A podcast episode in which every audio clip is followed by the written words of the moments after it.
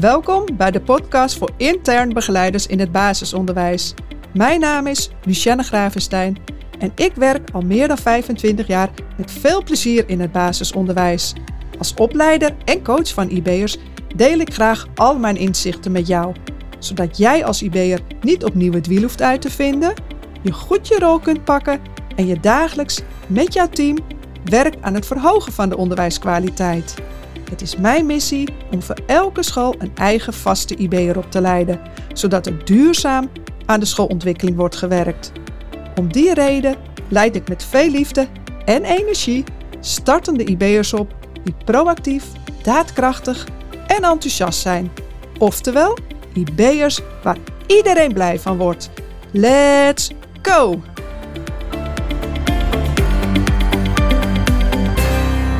Hey, fijn dat je weer luistert naar de podcast Pak je rol als intern begeleider. In deze aflevering sta ik stil bij de verschillende rollen en taken van de IB'er. Ja, ja, want dat zijn er nogal wat. Waarom dit onderwerp?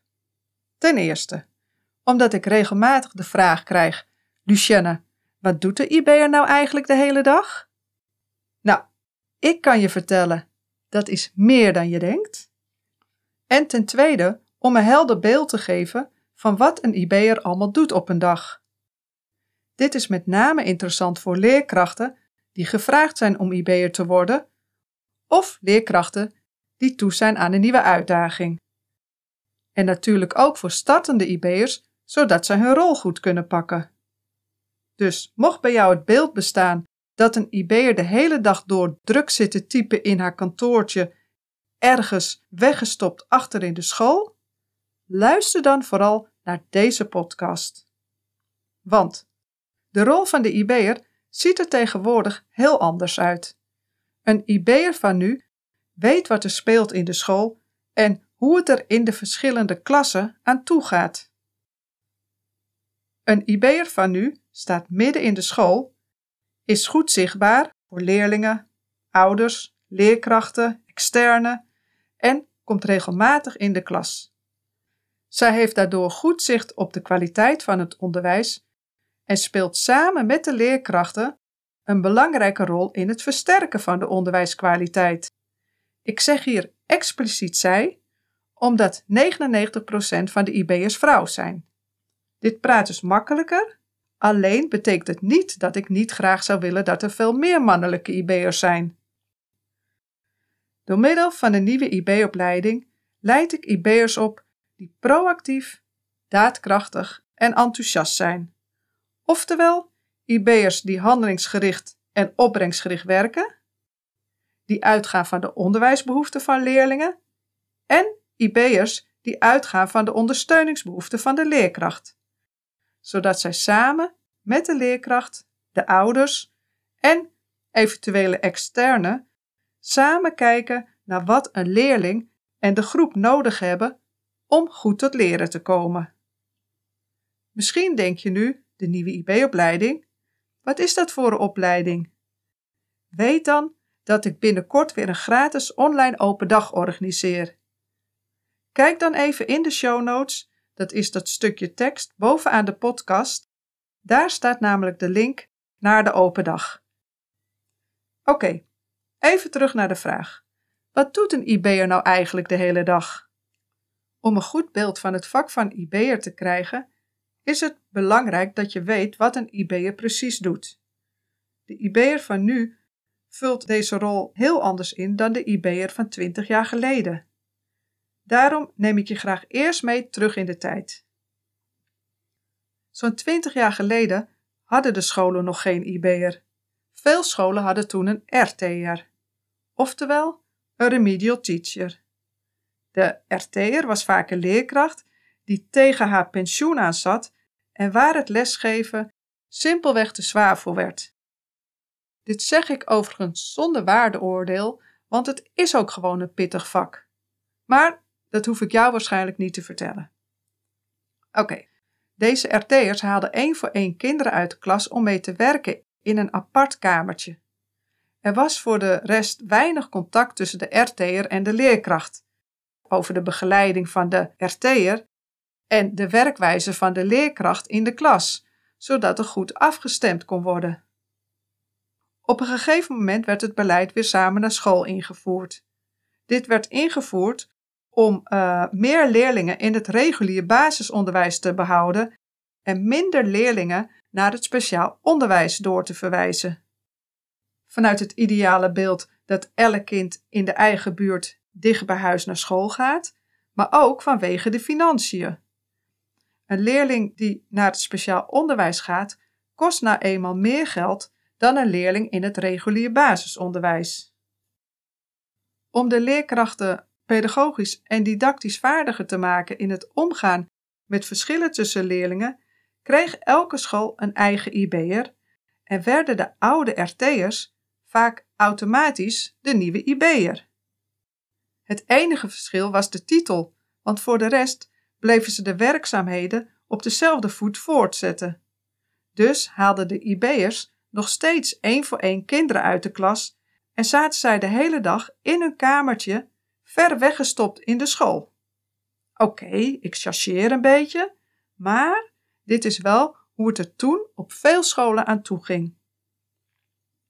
Toen ik zelf nog leerkracht was, zag ik de IB'er bijvoorbeeld maar twee keer per jaar tijdens de groepsbespreking. Dan vertelde ik over alle leerlingen, hoe het met hen ging en over de bijzonderheden, om de IB'er daarna een half jaar niet meer te zien.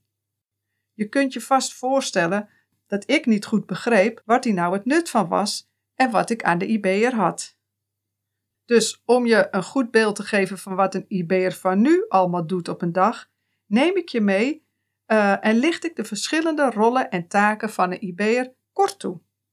En dan niet op de manier hoe deze rollen formeel staan beschreven in het boekje van de Landelijke Beroepsvereniging, maar op de manier hoe de rollen praktisch vorm worden gegeven, zodat het lekker concreet wordt en je precies weet wat er van een startende IB'er wordt verwacht. Oké, ik licht nu de verschillende rollen één voor één toe. 1. Begeleider en coach van leerkrachten. Deze rol, of eigenlijk twee rollen, spreken voor zich. In de huidige tijd van het grote lerarentekort hebben we met veel startende en herintrainende leerkrachten te maken. Dit vraagt de laatste tijd steeds meer begeleidingstijd van de IB'ers. Startende leerkrachten hebben vooral begeleiding en coaching nodig bij het neerzetten van een veilig pedagogisch en didactisch klimaat, het leren lesgeven op verschillende niveaus, het klassenmanagement, de interactie met leerlingen, hun ouders en collega's en het simpelweg zich staande houden als startende leerkracht voor de klas. Ook hebben ervaren leerkrachten soms behoefte aan coaching en begeleiding. Bijvoorbeeld wanneer een leerling in kleine stapjes leert en er een eigen leerroute mag worden uitgestippeld. Of wanneer de werkplek van de leerling moet worden aangepast om een leerling beter tot leren te laten komen. Een andere reden kan zijn dat de groepsdynamiek in een groep heftig is, waardoor de leerkracht geen grip heeft op de groep en het lesgeven hierdoor onmogelijk wordt gemaakt.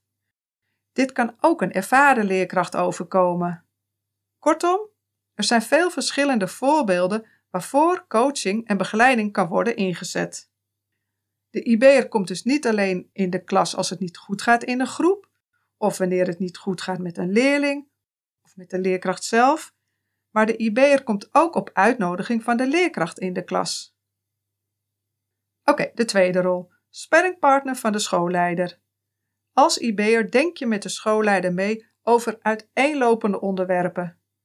Vaak is dit al direct vanaf de eerste dag.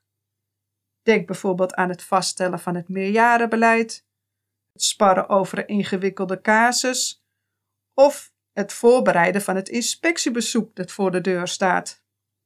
Je komt dus als kerstverse IB'er net voor de klas vandaan en mag direct als sparringpartner van de schoolleider meedenken op schoolniveau. Hoe tof is dat? Oké, de derde rol. Als IB'er ben je verantwoordelijk voor het organiseren van het onderwijsaanbod op schoolniveau, maar ook voor leerlingen met specifieke onderwijsbehoeften.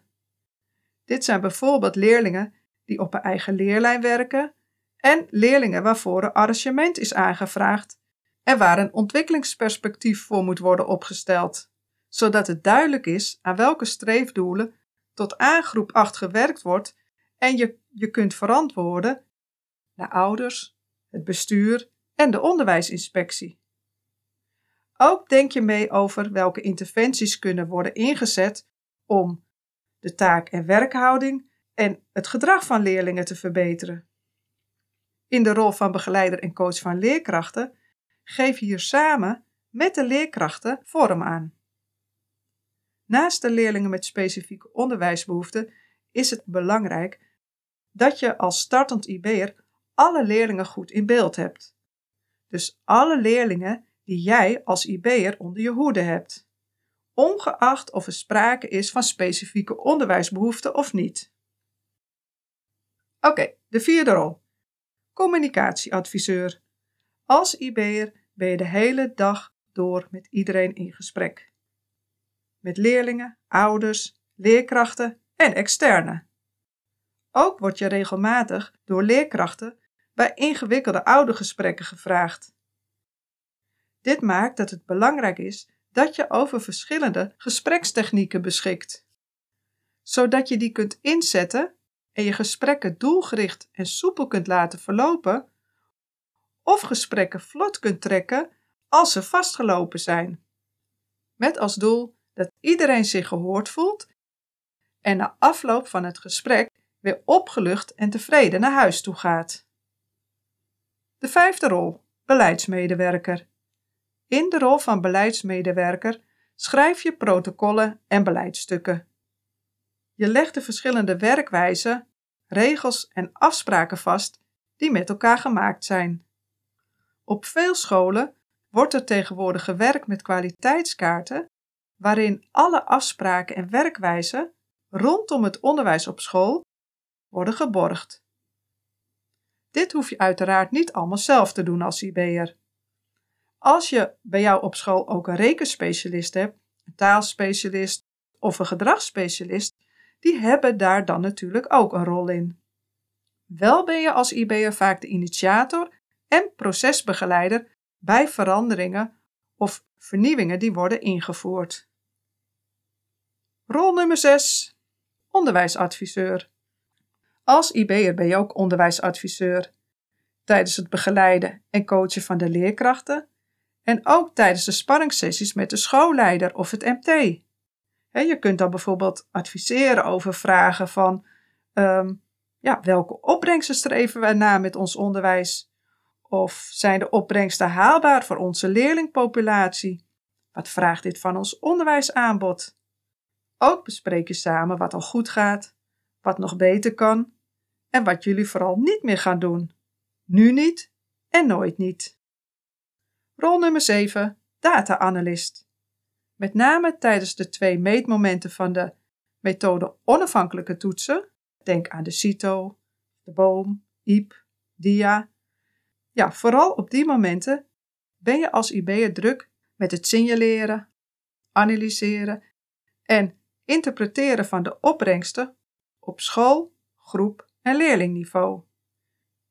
Je bereidt samen met de schoolleider, de vakspecialisten en eventuele leerkrachten de opbrengstvergadering voor en presenteert de opbrengsten het liefst samen aan het team. Vervolgens kijk je samen met het team naar de opbrengsten op schoolniveau en beoordeelt samen of het onderwijs opbrengstgericht is geweest en of het onderwijsaanbod passend is geweest. En vervolgens besluiten jullie of er wellicht een specifieke interventie of verbeteraanpak nodig is om de resultaten op een specifiek vakgebied te verhogen. Rol nummer 8. Trendwatcher van nieuwe ontwikkelingen en vakliteratuur. Als IB'er ben je voortdurend op zoek naar nieuwe trends en ontwikkelingen op onderwijsgebied. Je gaat vaak naar lezingen of gaat naar de landelijke IB-dag. Je houdt goed bij of er nieuwe vakliteratuur is uitgebracht en je gaat naar de bijeenkomsten van het IB-netwerk en het samenwerkingsverband. Rol nummer 9. Procesbegeleider bij schoolontwikkeling. Bij schoolontwikkeling ben je als IB'er vaak de initiator en procesbegeleider. Ook hierbij is het belangrijk dat je je samen in optrekt. Vaak zijn er, zoals al eerder genoemd, rekenspecialist, taalspecialist en gedragsspecialist in de school. Zorg dus dat zij ook een rol hebben, net als de leerkrachten die al zoveel kennis en expertise in huis hebben en jou ook van waardevolle feedback kunnen voorzien. Rol nummer 10: coördinator van de samenwerking tussen leerkrachten, ouders en externe. Als IB'er zorg je ervoor dat alle overleggen over leerlingen met specifieke onderwijsbehoeften op tijd worden ingepland. Dat iedereen op tijd wordt uitgenodigd en van een agenda wordt voorzien. Dat voor iedereen het doel van het gesprek duidelijk is. En vergeet niet dat er notulen moeten worden gemaakt. Of jij die notulen moet maken is nog maar de vraag. Maar dat er notulen moeten komen is wel iets waar jij als IB'er scherp op bent. Tot slot rol nummer 11. Sociaal werker. Als IB'er ben jij ook regelmatig sociaal werker. Niet formeel, maar wel informeel. Ook al is er tegenwoordig aan elke school een oude kindadviseur of een schoolcoach verbonden. Zoals ik al eerder zei, ben je als IB'er de hele dag door met iedereen in gesprek. In die zin ben je als IB'er ook een luisterend oor en steun en toeverlaat voor ouders en collega's. Je ziet veel, je hoort veel, je weet veel, waardoor je vaak net even dat extra stukje aandacht kunt geven wat op dat moment zo nodig is. Dat kan zijn dat er een broertje of zusje is geboren in het gezin, of dat het gezin gaat verhuizen omdat moeder een andere baan heeft gekregen, of dat ouders misschien in een echtscheiding liggen. zo zijn er allemaal situaties waarbij het fijn is als jij eventjes even kort ouders kunt aanspreken en net dat stukje extra aandacht kunt geven. Kortom, je bent als IB'er met al die verschillende rollen en taken niet alleen spin in het web, maar ook een duizendpoot. En weet je wat nou zo leuk is? Doordat je de hele dag door tussen al deze verschillende rollen en taken schakelt, is geen dag hetzelfde.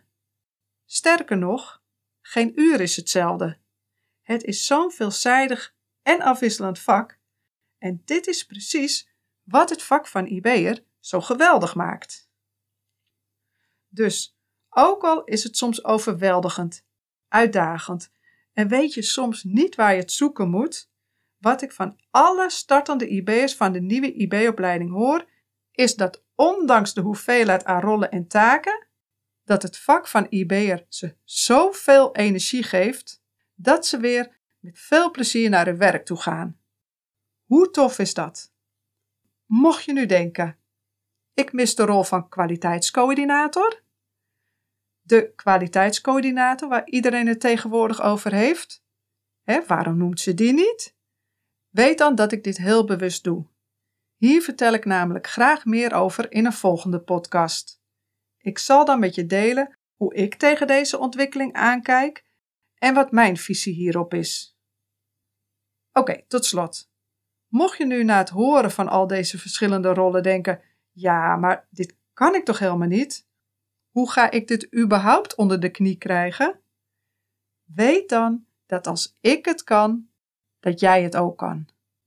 Ik wil je hier graag bij helpen, zodat jij ook die enthousiaste IB'er wordt die haar rol pakt en waar iedereen blij van wordt. Dus kijk in de show notes en schrijf je snel in voor de gratis online open dag. En deel de podcast gerust met collega's waarvan jij denkt van hé, hey, dat kan ook wel eens interessant voor haar zijn. En dan zie ik je graag weer bij de volgende aflevering. En uh, wens ik je een fijne dag. Tot ziens.